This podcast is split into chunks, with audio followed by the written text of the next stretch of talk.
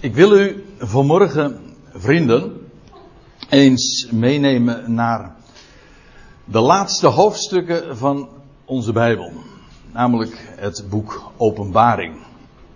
Daar hadden we de vorige keer trouwens ook al over. Toen ging het over hoofdstuk 1. En nu, vandaag, wil ik u meenemen naar hoofdstuk 20. Een heel indrukwekkend gedeelte. En in aanvang zal ik u zeggen, en ik had daar een beetje moeite mee. In aanvang was ik van plan namelijk om dit gedeelte in één keer te bespreken. Dat zou, zou je zeggen, ook niet zo'n groot probleem moeten zijn, want kijk het maar eens na. Dat gedeelte, dat eh, heet, in mijn bijbeltje staat erboven het laatste oordeel. Waar trouwens eh, wel wat voor te zeggen is. Maar in elk geval, dat eh, gedeelte dat telt slechts een vijftal versen. 11 tot en met vers 15. Dus dat is niet zo heel veel. Maar aangezien het zo compact is, aangezien er zoveel in staat, dacht ik gisteravond, ik had zoveel dia's inmiddels, dat gaat me echt niet in één keer lukken. Dus eh, nou was ik genoodzaakt om het alsnog in tweeën te knippen. Dus de volgende keer, dat is al zijn Deo Volente zondag 9 november, gaan we uh, verder en dan zullen we nog een tweetal versen uh, bespreken. Het is zo boeiend. Het is zo geweldig wat hier staat. Tegelijkertijd moet ik er ook bij zeggen, het is ontzagwekkend.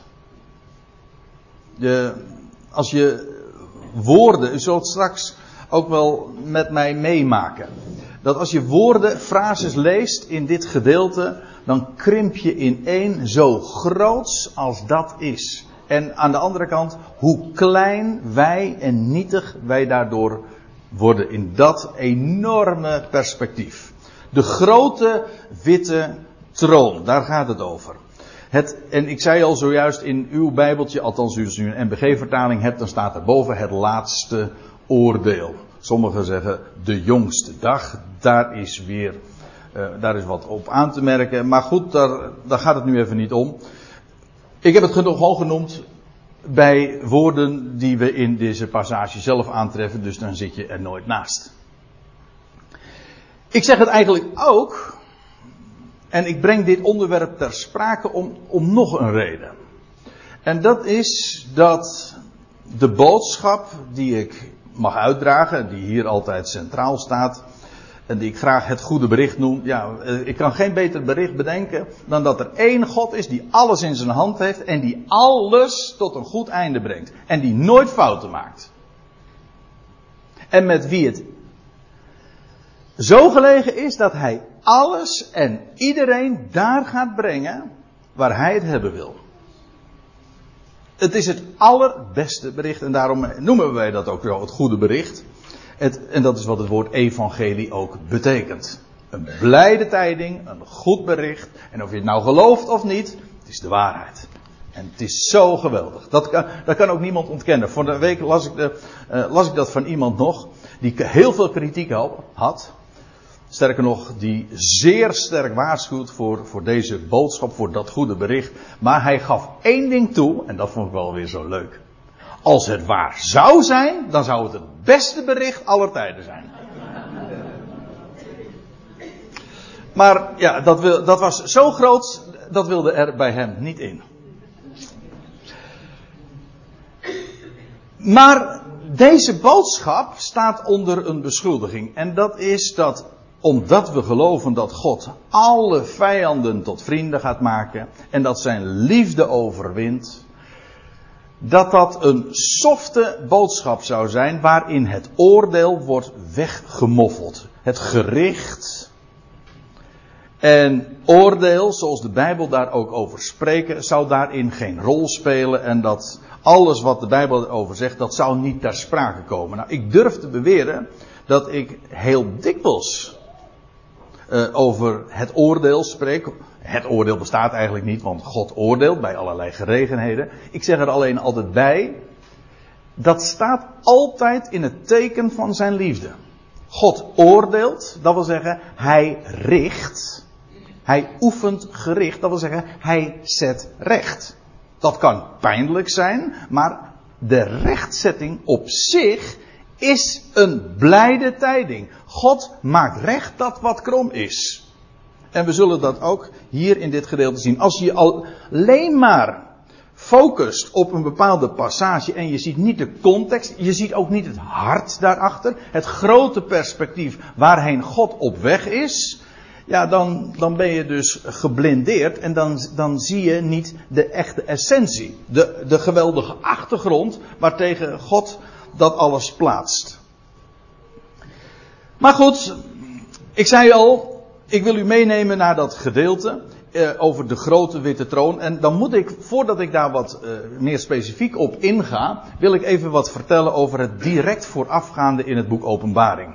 Want eigenlijk, ja, dat, al die gedeeltes, die sluiten op elkaar aan. Iedere keer lees je ook van, en ik zag, en ik zag. En dingen volgen elkaar ook chronologisch op.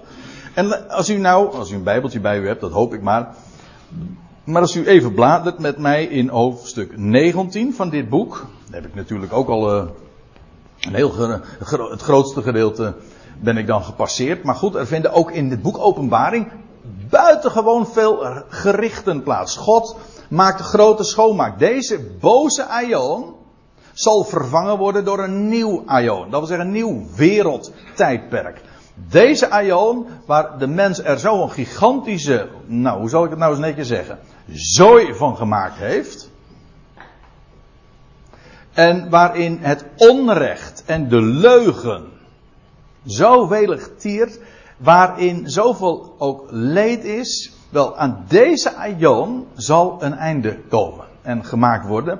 En dat alles heeft te maken, en dat is eigenlijk ook wat het boek Openbaring zegt. Hij die nu verborgen is, zal openbaar worden. En dan lees je in hoofdstuk 19, vers 11 tot 21. Het is de verschijning van de koning der koningen aan de volkerenwereld. En hij zal gericht oefenen. En dat gaat er dan ook trouwens niet zachtzinnig aan toe. Laat het staan.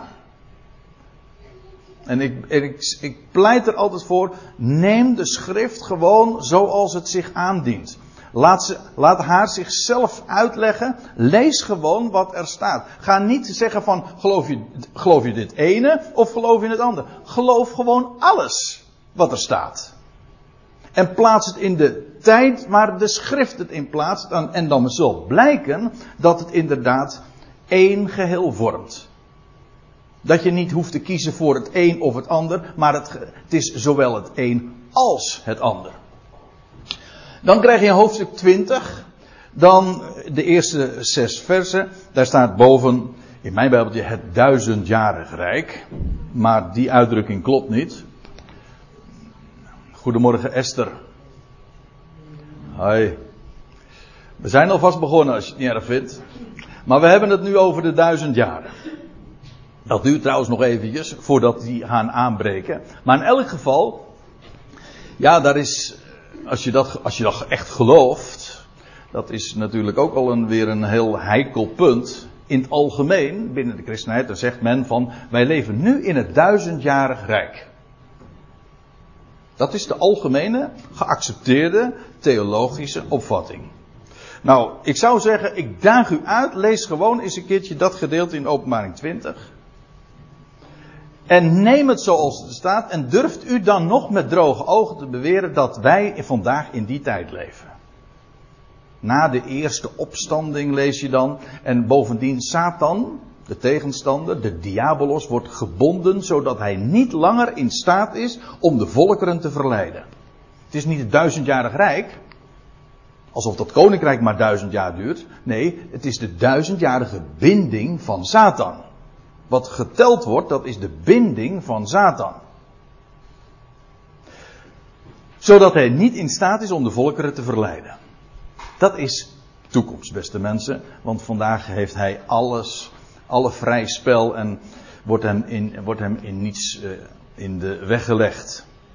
In elk geval, daar gaat dit gedeelte over. Dus de koning der koning zal verschijnen aan de volkeren. Vervolgens zal er een geweldig tijdperk van vrede in deze wereld aanbreken. Geleid vanuit Jeruzalem, daar in het Midden-Oosten. Daar zal de zoon van David zijn koninkrijk uitbouwen en uitbreiden over alle volkeren. Satan zal gebonden zijn duizend jaren. Vervolgens lees je in hoofdstuk 20, vers 7 tot 10 dat hij, de Satan, de tegenstander, een korte tijd wordt losgelaten. En vervolgens krijg je ook het definitieve oordeel over de tegenstander. En dan bestaat hij niet langer als tegenstander. Hoort u goed wat ik zeg? Ik bedoel, dat, dan is, dat is het einde van Satan in die hoedanigheid. Satan betekent tegenstander. Diabolos, duivel, betekent de door elkaar gooier. Wel, daar wordt een einde aan gemaakt. En openbaring 20 spreekt daarover. Nou, dat gaat direct vooraf aan openbaring 20 vers 11 waar we het nu dus over hebben. En dan komen we eindelijk bij de passage uit waar ik dus naartoe wilde, namelijk over die grote witte troon. Let er goed op. Waar we het over hebben, is over een passage. Dat pas zal. Dat handelt en dat, zal, dat spreekt van een gebeurtenis. Waar we ons nauwelijks een voorstelling van kunnen vormen. Dat zal ook vanzelf wel blijken. Maar dat duurt nog, in ieder geval nog duizend jaren. En nog meer. Voordat dit aanbreekt, want eerst zijn daar nog die duizend jaren trouwens. En daar gaan nog gerichten aan vooraf, ook nog een periode. Kortom, in ieder geval minimaal duizend jaren duurt dat nog voordat dit aanbreekt. Dus dan heb je een idee over de setting van dit alles. Moet je altijd heel goed realiseren, waar plaatst de Bijbel de dingen? Ook in tijd. Als je dat allemaal op één hoop gooit eh, en geen onderscheiding herkent, ja, dan gaat de Bijbel ook heel tegenstrijdig worden. Maar dat, ja, als je wil weten waar iets is. Ik bedoel, je moet New York niet in Rusland zoeken. En die grote witte troon, dat heeft plaats niet voor niks, juist in, op dit moment. En zo, de schriften wijzen dat zelf ook aan. En soms worden we verplaatst naar duizenden jaren terug. Bij de schepping van, van de mens. Of nog bij latere gelegenheden de, de grote vloed die in de dagen van Noach over de aarde kwam. En nu worden we geplaatst dus naar een periode voorbij die duizend jaren. En dan zegt Johannes, en ik zag, die ik, dat is Johannes. Hij zegt, ik zag een grote, een mega, witte troon. Je leest trouwens in 1 Koningen 8. Ik heb, er, eh, ik heb het er niet even bij vermeld, omdat ik pas laat, te laat daarop kwam. Maar je leest in 1 Koningen 8, vers 10. Nee, 1 Koningen 10, vers 18, sorry dat van Salomo, let op, de zoon van David, u weet wel, die man met die duizend jaren, nee, dat was de, de, de duizend vrouwen, hè, zijn duizendvoudige heerlijkheid, maar je leest van hem dat hij een troon bouwde, een grote, ivoren, witte troon. Het is maar dat u het weet. De zoon van David, past daarop, zo, om maar zo te zeggen. Ik zag een grote witte, die kleur vind ik prachtig. Nou ja, ik weet, wit is eigenlijk geen kleur, volgens de experts, maar goed, eh, even voor het gemak. Een witte troon. Het is zuiver, het is recht wat hier plaatst. Het is niet duister, dat hebben velen van dit gedeelte gemaakt. Een duister, obscuur gebeuren. Ook wat een gitzwart godsbeeld illustreert. Mensen zijn zo bang gemaakt. Het is ontzagwekkend wat je hier ziet. Maar het is een witte, een mega witte troon. Dat is wat Johannes ziet. En hij zag ook hem die daarop gezeten was. Op die troon waar, we zo zullen we straks vanzelf zien, gericht plaatsvindt. Wie is die hem? Nou, dat is niet zo moeilijk, want in een ander geschrift van dezezelfde Johannes lezen we al dat expliciet verklaard. En dat is in Johannes 5, vers 22, vers 27. Ik neem u even daarna mee, want dan zien we het ook gewoon duidelijk staan. Daar lees je dat de Heer Jezus hier op aarde al verklaarde. Ook de Vader oordeelt niemand. Maar hij heeft het hele oordeel, wat er ook te oordelen, te richten valt, aan de Zoon gegeven. Dus, wie zien wij hier op de troon gezeten? Dat kan niet missen. De zoon. De zoon van David. Op zijn grote ivoor, uh, ja, op die grote witte troon. De zoon van David. Hij is hier opgezeten. En dat vind ik zo geweldig. Want wat er nou dus ook nog volgt. Je weet, hier is iemand gezeten, de zoon van David, maar ook degene die ooit zijn leven gaf, zichzelf gaf tot een losprijs voor allen. Hij is het die op die troon zit. Het is maar dat je het weet. De zoon. En maar er staat hier nog iets bij. Hoe ontzagwekkend dat is. En dat vind ik met name ook deze woorden. Ik zag een grote witte troon en hem die daarop gezeten was, voor wiens aangezicht de aarde en de hemel vluchten. Verleden tijd staat hier. Onvoltooid verleden tijd. Dat wil zeggen, die vlucht, die, die, die hemel en aarde, die verdwenen. Zo groot is degene die hier gezien wordt. En die het gericht uitoefent. En voor zijn aangezicht vlucht de, de hemel en de aarde. Dat is wat. Dat betekent dat we hier op een moment zijn aangekomen waar heel dikwijls in de Bijbel over gesproken wordt. Nou ja, heel dikwijls. Bij meerdere gelegenheden. Bijvoorbeeld in 2 Petrus 3, vers 10, daar lees je. Maar de dag van de Heer zal komen als een dief. En op die dag zullen de hemelen met gedruis voorbij gaan. Let op, voorbij gaan. Dus verdwijnen, vluchten. En de elementen door vuur vergaan. En de aarde en de werken daarop zullen gevonden worden. Met andere woorden, hier wordt ook over dat voorbijgaan gesproken van hemel en aarde. En wat er dan vervolgens gevonden zal worden, dat is de werken die daarop gevonden worden. Zo, zo formuleert Petrus dat. En dan nog even iets. Geen plaats werd voor hen, dat wil zeggen hemel, voor aarde en hemel, gevonden. Dit is dus het moment dat deze hemel, deze aarde, die al zo lang bestaat, zal verdwijnen. Vergaan en plaats zal maken, en dat is prompt wat je dan in hoofdstuk 21 aantreft, een nieuwe hemel en een nieuwe aarde zal verschijnen. God gaat iets uit het oude, iets totaal nieuws maken. Maar dit is dus het voorbijgaan van aarde en hemel, allemaal ter gelegenheid dus van de verschijning van Hem die hier op de troon zit.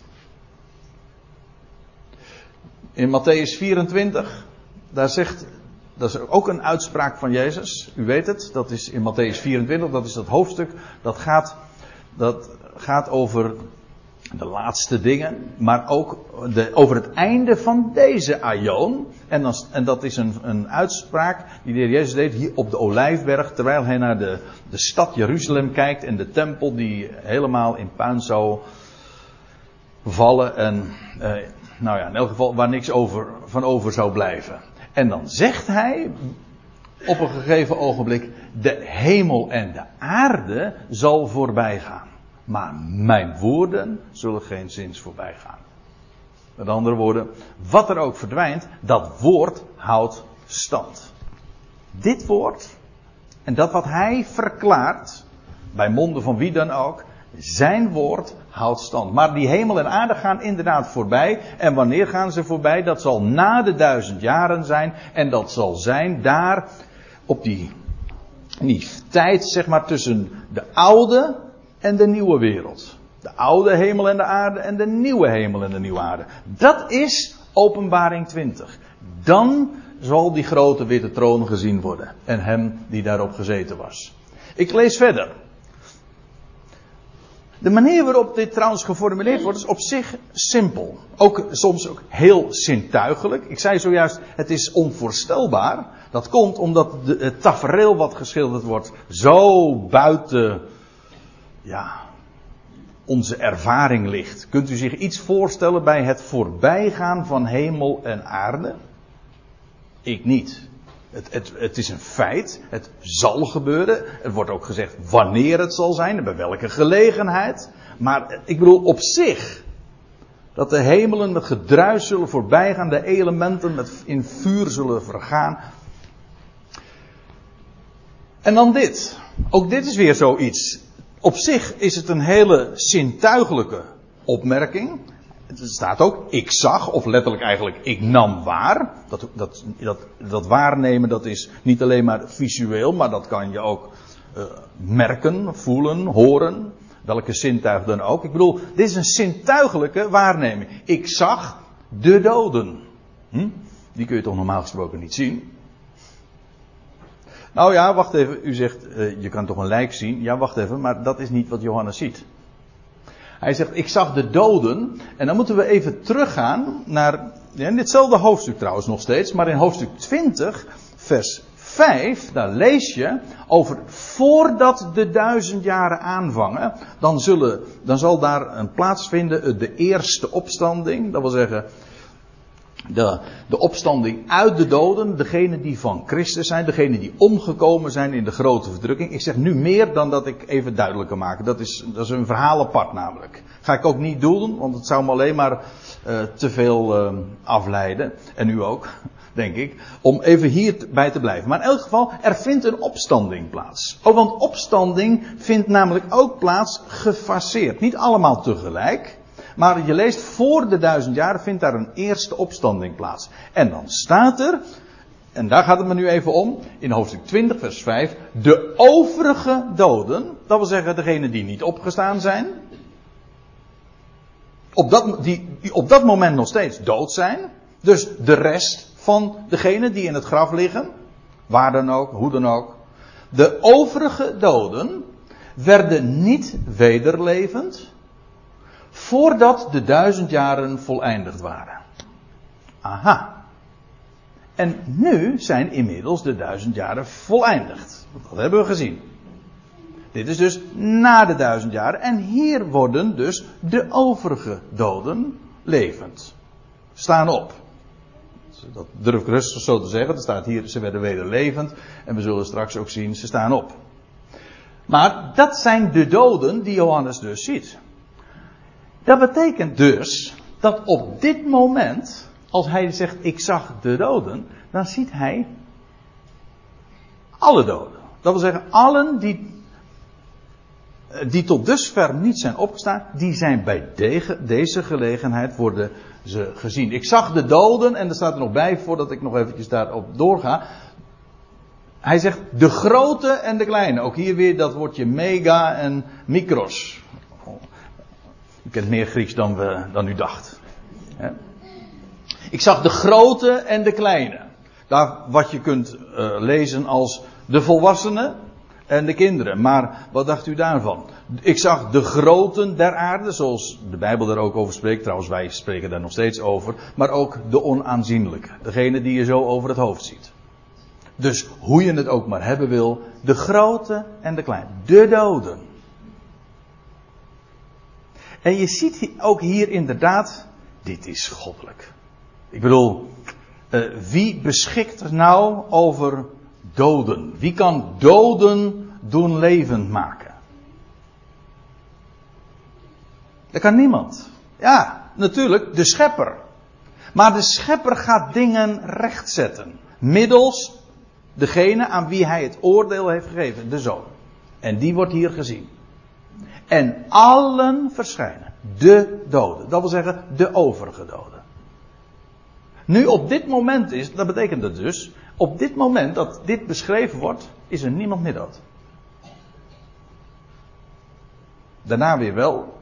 Maar ik, ga het nou, ik wil het niet ingewikkelder maken dan dat het is. Gewoon. en uh, trouwens, uh, dit, deze, deze studie heeft een vervolg en daar gaan we het de volgende keer over hebben. Maar in ieder geval dit. Ik zag de doden. De grote, de kleine. Letterlijk of figuurlijk, maakt me niet uit. Maar iedereen. Niemand ontkomt. God gaat recht doen. Aan wie dan ook. En ik, wat ik ook zo geweldig vind, hier, dat is indrukwekkend, dat er, kan je, kunt je dus achter niks verschuilen. God is het die de doden levend maakt. Hij doet ze opstaan. Of het nou de grote zijn, of je nou een, een Obama bent. Hè? Of je bent een onaanzienlijk, onaanzienlijk klein kind eh, in de straten van Calcutta, ik noem maar wat. Ik maak geen verschil. Iedereen. De doden, dat wil zeggen de overige doden. Niet iedereen verschijnt hier. Ik zal daar niet bij zijn, om, om wat te noemen.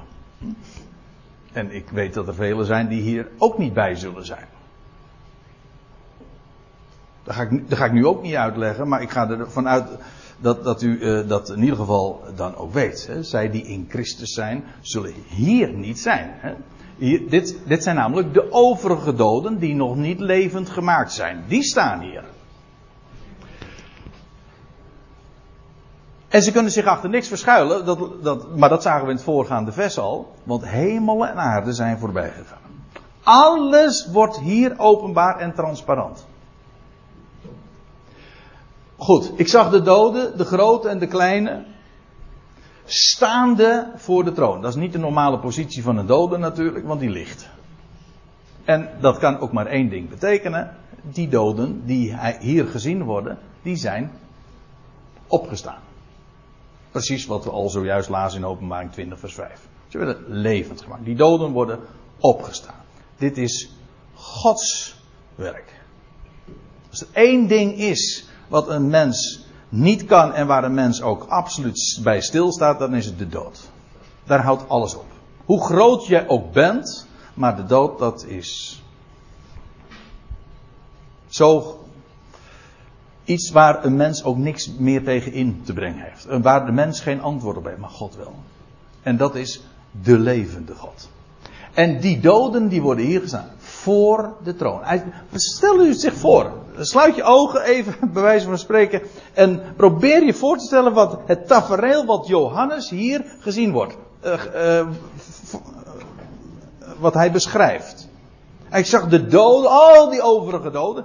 Dat moeten er miljarden zijn. Van allen die ooit geleefd hebben. Die, die worden daar gezien. Staande voor de troon. En er staat er, en er werden boeken geopend. Als u eh, in, in het boek Daniel 7, daar vind je ook een gericht op een ander moment trouwens. Dat is meer dan duizend jaar daarvoor. Maar dan lees je ook de, dat er boeken, of boekrollen eigenlijk staat er, uh, werden geopend. Nou, ik kom er straks nog even op terug, welke boeken dat zijn. Maar nog even dit. En nog een ander boek werd geopend. Dus er is sprake van boekrollen, boeken, die werden geopend. Maar er is nog een ander boek, en dat is van een heel andere orde. Dat werd ook geopend. En dat heet het boek. Welke is dat van het leven? Het boek des levens dus. Het boek van het leven. En nou wil u weten wat dat is. Nou, en daar gaan we het de volgende keer dus over hebben. ja, dat is buitengewoon belangwekkend. Want dat speelt een hele grote rol. Maar dit, dit wordt nu ter introductie genoemd. Johannes beschrijft het. Die doden, grote, kleine. Alle worden daar gezien. Terwijl hemel en aarde voorbij gaan. En al die doden staan daar. Voor hem daar. En daar worden boeken geopend. En nog een speciaal boek, namelijk het boek van het leven. En wie daarin geregistreerd staan, dat is van groot belang in verband ook met de tijd die daarna gaat volgen. Maar ik zei al dat de reden van dat, de opening van dat boek des levens, dat vind je in hoofdstuk 20, vers 15, dus een paar versen later. Daar gaan we het dus nog over hebben. Dus dit parkeren we even voor de volgende keer. En er staat erbij, de doden werden geoordeeld op grond van, of letterlijk staat er vanuit, hier staat een Grieks woord dat betekent vanuit, hetgeen in de boeken geschreven stond. En ik zal u eerlijk vertellen, ik heb hier, uh, ik vertelde het gisteren juist tegen Peter, ik heb over dit onderwerp ooit een keertje twee avonden in Katwijk uh, gewijd. Het was de eerste keer dat ik mijn schoonvader ontmoette. Dat was ooit in april. Ja, toen wist ik nog niet dat het mijn schoonvader was trouwens. Dat zou, dat zou nog enige jaren duren. En toen is dat balletje gaan rollen en vandaar dat uh, Petra daar zit en mijn, zo, mijn, zoon daar. Nou ja, goed. In elk geval, dat was in Katwijk en toen heb ik een bijbelstudie, twee bijbelstudies gegeven over ditzelfde onderwerp. En ik heb de, de aantekeningen er nog weer eens een keertje van bijgehaald. En ja, ik heb toen ook de schrift laten spreken. Maar inmiddels mag ik, uh, als ik zo arrogant mag zijn, ben ik weer wat wijzer geworden. Ik heb veel dingen sindsdien ontdekt. Vooral over, over wat die, die pool van vuur, maar vooral die tweede dood is. Ik dacht altijd van dat, dat is einde oefening, dat is einde. Totdat ik ging ontdekken dat bij God de dood nooit het laatste woord heeft. Dat is de grootste ontdekking in mijn leven geweest, mag ik wel zeggen. Maar fijn. Dat wist ik toen nog niet. Kon ik niet weten. Ja, als het niet verteld wordt in elk geval. Toen heb ik ook weer iets anders verteld over die boeken die hier genoemd worden. Er gingen boeken open. En de doden werden geoordeeld op grond van hetgeen in de boeken geschreven stond. En ik heb altijd gedacht, oh, wat in die boeken geschreven staat, dat zijn de werken van de mens. Wat, wat in, vervolgens in dat laatste deel van de zin genoemd wordt. Maar dat staat er niet. En, ik, en iemand wees mij er een keertje op. Hij zegt, dat zeg je nou wel, maar het staat er niet. Ik nog een keer lezen. Grondtekst lezen. Nee, inderdaad, het staat er niet. Er staat niet dat de werken daar in die boeken vermeld worden. Er staat, de doden werden geoordeeld vanuit hetgeen in de boeken geschreven stond. Dat is het criterium. En naar hun werken. Ja, wat de boeken zijn. Waar denk je aan? Waar denk je aan als je het hebt over, of als de schrift spreekt over de boeken? Ja, nou, ik zou het nog uitgebreider zeggen. Ja, is een mooi eh, icoontje, wat u, of een mooi plaatje wat u hier ziet. Van een mooi Bijbelprogramma. Maar ik bedoel gewoon de schriften. De, let op, het staat een bepaald lidwoord voor, hè. Uh, in de boeken. Niet zomaar boeken, nee, in de boeken. De boekrollen. Nou, dan denk ik aan de boeken. Deze, deze bibliotheek. Want hier staat het woordje, u ziet het misschien wel in het Grieks, je het een beetje zo uh, leest, dan zie je al, eh, hier staat iets van biblos. Hè. Bijbel betekent eigenlijk bibliotheek. Wel, de boeken, dat zijn de schriften. De schriften gaan ook. En kijk, hemel en aarde zullen voorbij gaan bij deze gelegenheid. Maar mijn woorden, zegt God in het algemeen, zullen geen zins voorbij gaan. Als de boeken opengaan, weet u, één ding blijft. En dat is wat er staat geschreven. Zwart op wit. En de schriften gaan open. De boeken.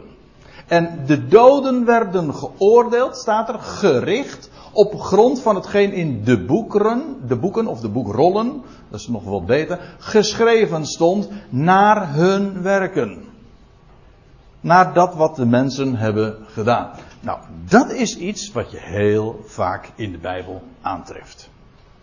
En ik weet, als je hier geen witte, maar een zwarte troon ziet, zoals het meestal wordt voorgesteld, een God die toornt en die gaat afrekenen en die het nooit meer goed maakt met de schepselen, die hier staan, dat is het idee. Eeuwig wel, eeuwig wee. Dat wil zeggen, komt, dat komt nooit meer goed. Als je dat denkt, dan zie je ook nooit de blijde tijding hier in deze woorden. Ik geef toe, het is niet het eind, maar dit is noodzakelijk. God gaat rechtzetten. En ik wil u een aantal passages laten zien, gewoon vanuit de schrift. En ik ben selectief, dat wil zeggen, ik neem een paar, want uh, in werkelijkheid is, uh, is het aantal schriftplaatsen nog veel groter. Maar al in het boek Job. Dat is een heel oud boek, een van de oudste boeken van de Tenach.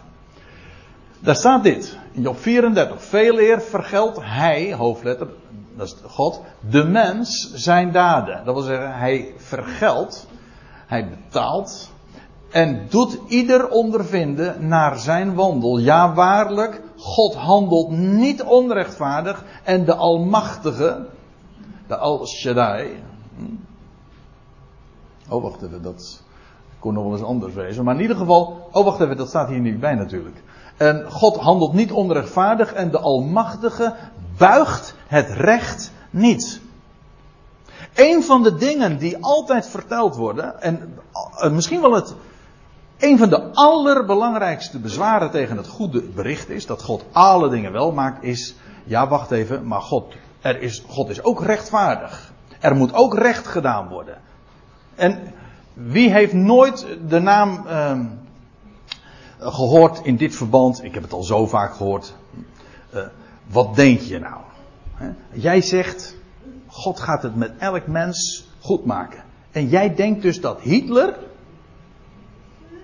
dat het, dat het met dat jij, gaat straks naast Hitler staan en God loven.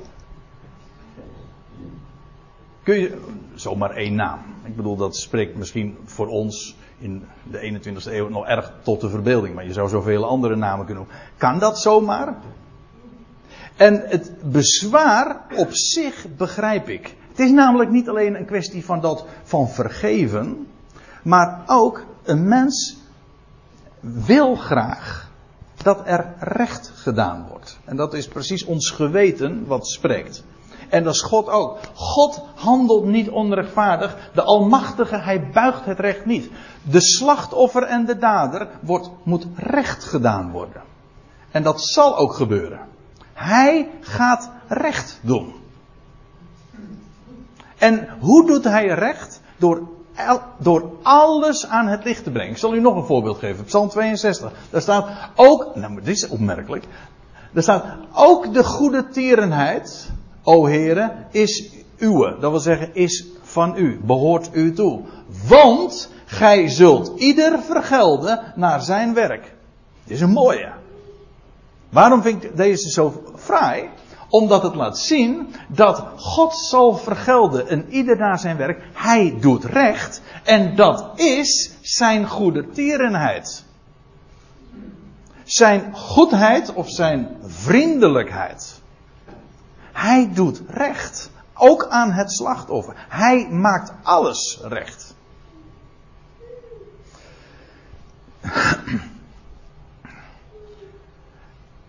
En ik lees er nog een. Prediker 12 dit is het laatste vers van het boek Prediker. Daar staat, want God zal elke daad doen komen in het gericht over al het verborgene, het zij goed, het zij kwaad. Alles. Weet je wat nou zo eigenaardig is? In dit gedeelte van openbaring, daar wat vindt daar plaats? Daar gaan boeken open. De werken worden openbaar. Alles is transparant. Maar er gebeurt verder niets. Behalve dat alles wat verborgen is. Alles. Goed en kwaad zal aan het licht komen. Alles.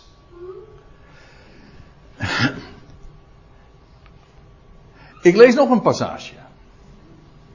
Romeinen 2. Uh, daar wordt gesproken over het rechtvaardig oordeel van God. Die een ieder vergelden zal. Dus nu, zijn we dus op het terrein van de apostel van de natie. Want u vindt het misschien vreemd dat ik over deze dingen spreek.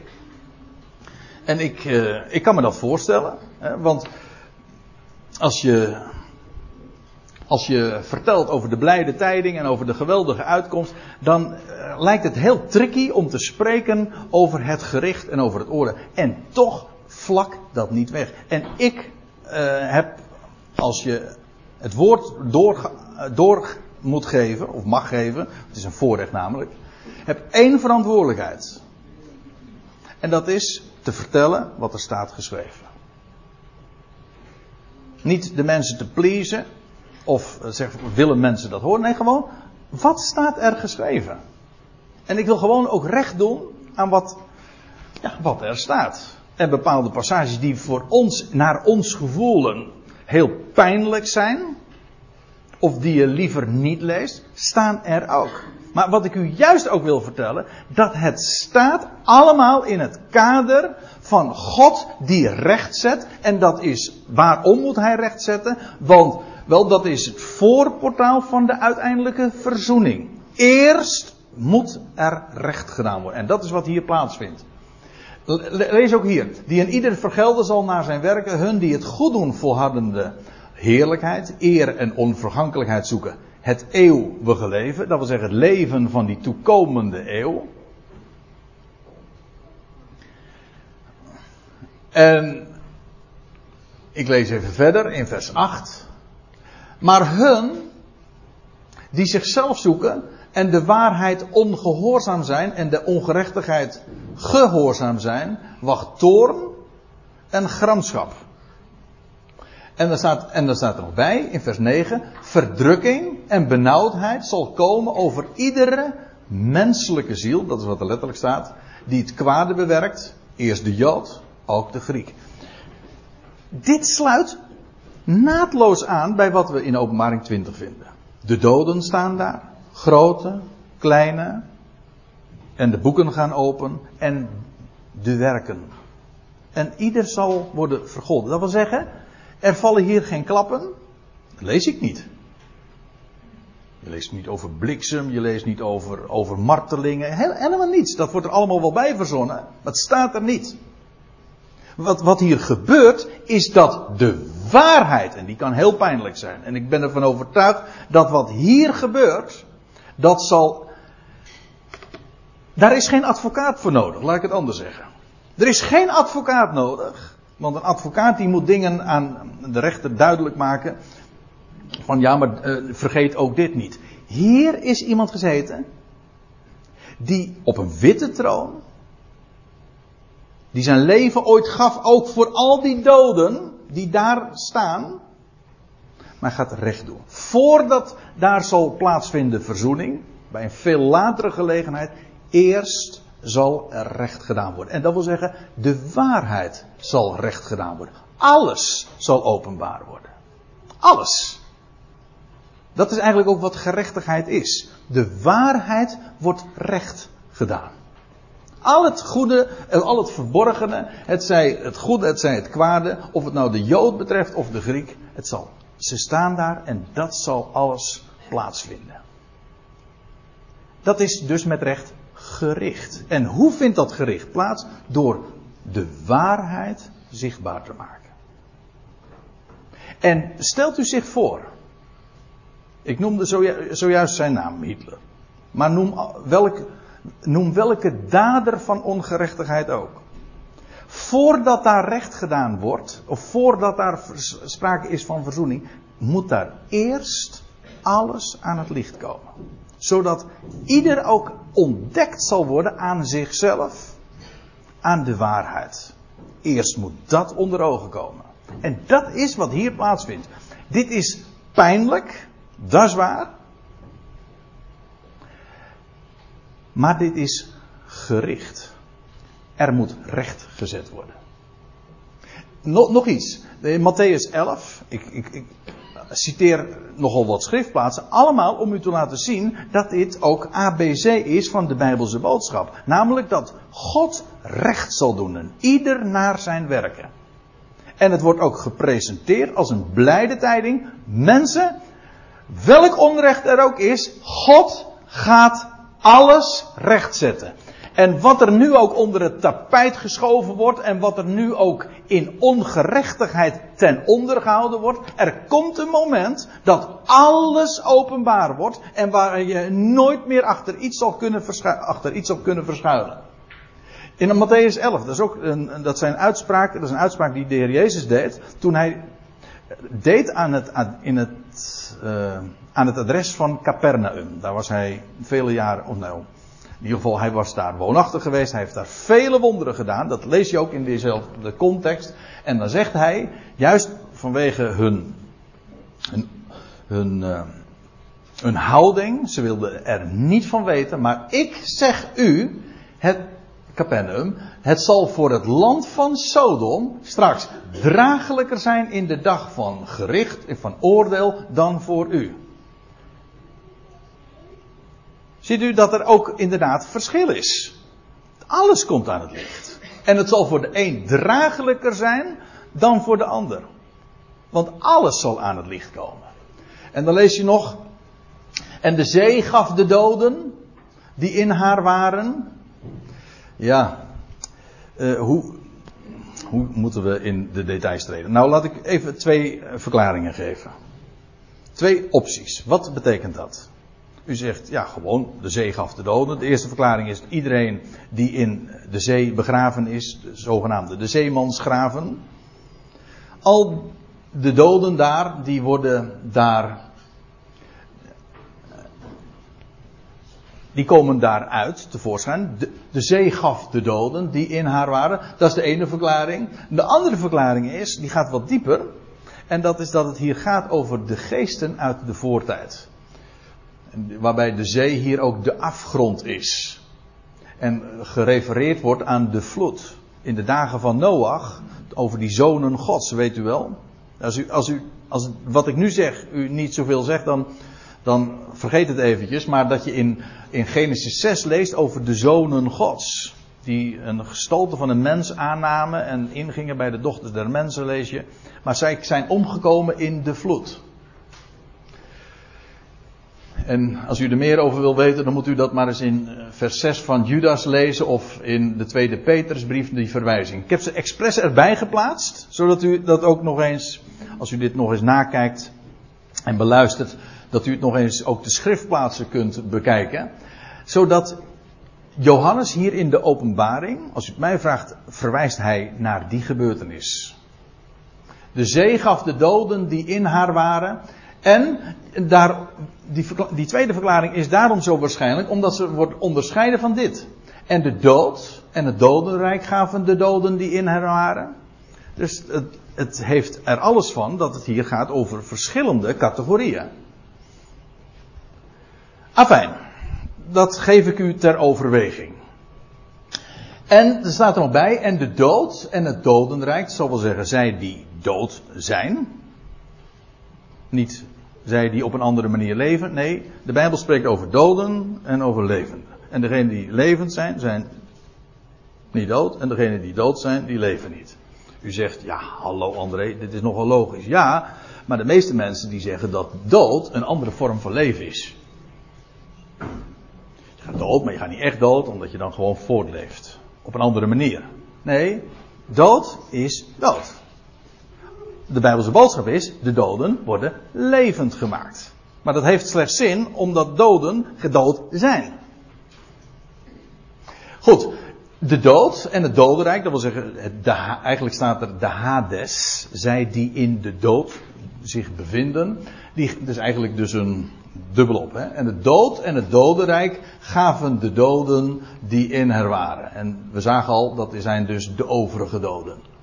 En staat erbij, zij werden geoordeeld, een ieder naar zijn werken. Dat is de essentie. Wat hier plaatsvindt bij die grote witte troon, is dat alles openbaar wordt.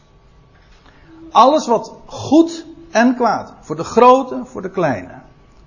Alles, alles wordt openbaar. Zodat, ja, hoe, hoe moet ik me dat voorstellen? Ik zei al, op zich is de taal heel zintuigelijk hier. Maar zullen er films vertoond worden? Zie je de film van je leven? In elk geval, alles wordt openbaar. En uh, welke technieken, als ik het zo oneerbiedig mag zeggen, de schepper zich ter beschikking zal hebben bij die tijd, weet ik niet. En welke hij zal presenteren. In elk geval, dat wordt alles openbaar. En God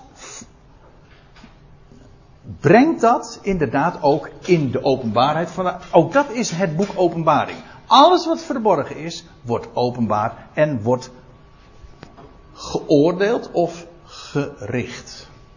Want dat is wat oordelen is. Recht gezet.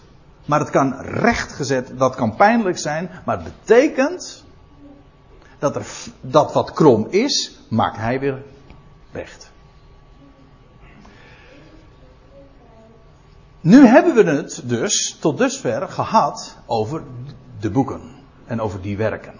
Maar er is nog een ander boek. Daar gaan we het de volgende keer over hebben. Want er resteren nu nog twee, versen, vers 14 en vers 15. Dus buitengewoon belangrijk, daarom moeten we het daar ook over hebben. Maar dit is in ieder geval wat er gebeurt. Verzin er nu niks bij, wat er altijd over verteld wordt. Over dat, dat laatste oordeel. En dat daar, dat daar of volt. Dat is niet wat de schrift zegt. De Bijbel zegt dat alles openbaar wordt. De waarheid van alles komt aan het licht. En zo zet God de dingen recht. Daar heeft hij helemaal geen harde hand voor nodig. De waarheid is zo onthullend, zo krachtig, dat dat op zich al recht zet. De waarheid zet recht, de waarheid maakt vrij. Dat is wat de waarheid zal doen. Ja, en daarom. Misschien mag ik uh, afsluiten met, uh, met nog met twee diaatjes. En dat is om het nog even goed recht te doen, het, het geheel ook. Namelijk dat we in het boek Openbaring een uitzicht hebben op dat koninkrijk van Christus. We zien daar de duizend jaren. We zien, zoals we nu dat ook hebben besproken, dat gedeelte in Openbaring 20 over de grote witte troon. Dat de doden, de overige doden daar staan. Daarna volgt nog een aion, een nog overtreffender, en op de nieuwe hemel en de aarde, ook daar zal Christus heersen. Het uitzicht in het boek Openbaring, dat is de Ionen der Ionen. En wat wij ook weten, en wat waar, waar meestal centraal staat ook in deze, in deze bijeenkomsten, dat is dat geweldige uitzicht, dat God alles wordt in allen. En dat is het uitzicht van het evangelie van Paulus. Dat is de voleinding van de Ionen. Strijdt dit met elkaar? Nee, het strijdt helemaal niet met elkaar. Het is namelijk dit ene perspectief. Je moet niet zeggen van, geloof jij dit, het koninkrijk van Christus, hè, daar, zijn, daar, is nog sprake van dood, daar, zijn, daar, is sprake van zij wel en anderen die nog steeds daaraan geen deel hebben. En sommige mensen houden je dit allemaal voor, kijk maar het boek Openbaring, daar lees je over Christus die heerst tot in de alle eeuwigheden, zeggen ze dan. En dan lees je over de tweede dood. En ze wijzen op deze passages. En ze ontkennen daarmee dit. Maar waarom? Alles heeft zijn plek. Eerst volgt dit. Eer, die geweldige overtreffende ionen. En tussen die beide toekomende ionen heb je dat gericht van de grote witte troon. Tussen de duizend jaren en die nieuwe hemel en de nieuwe aarde. Maar het is allemaal het koninkrijk van Christus. En daarna, op een, als je op een nog hoger niveau kijkt, dan zie je nog verder, en dat is wat Paulus doet, dan zie je hoe God uiteindelijk alles in allen wordt. Dus dat wat in openbaring beschreven wordt, strijdt niet met dat wat Paulus vertelt. Integendeel, dat sluit daar juist op aan. En dat is buitengewoon belangrijk. En daarom, in dat licht, wil ik ook eh, Openbaring 20 lezen. Als we het hebben over de grote witte troon, over het gericht, over oordeel, laat het staan. Wuif het niet weg. Doe ook niet alsof het niet staat. Zeg niet van daar moet je niet over spreken. Heel de schrift is toch van belang. Maar zie het in dat geweldige perspectief dat God ons gegeven heeft. Namelijk dat Hij overtreffend is. Dit is, dit, dit gericht van de grote witte troon, is een noodzakelijke fase om uit te komen bij dat perspectief van alles. In alle. Waar niemand ontbreekt. Waar inmiddels ook alles recht gedaan is. Aan slachtoffer en dader. Aan goede en kwade. Aan alle. En zo is het de God die bewijst werkelijk God te zijn en alles plaatst op zijn tijd en op zijn wijze en ultiem en met een uitkomst die alle beschrijving tart. En ik stel voor dat we dan de volgende keer inderdaad nog de laatste versen van Openbaring 20 ook zullen bespreken, want dat is ook nog van heel groot belang. En dat is een beetje het uh, ongemakkelijke wat ik nu heb, dat ik dat nu heb laten liggen. Maar goed, daar kunnen we het de volgende keer wat uitgebreider daarover hebben. En dat lijkt me wel zeer terecht.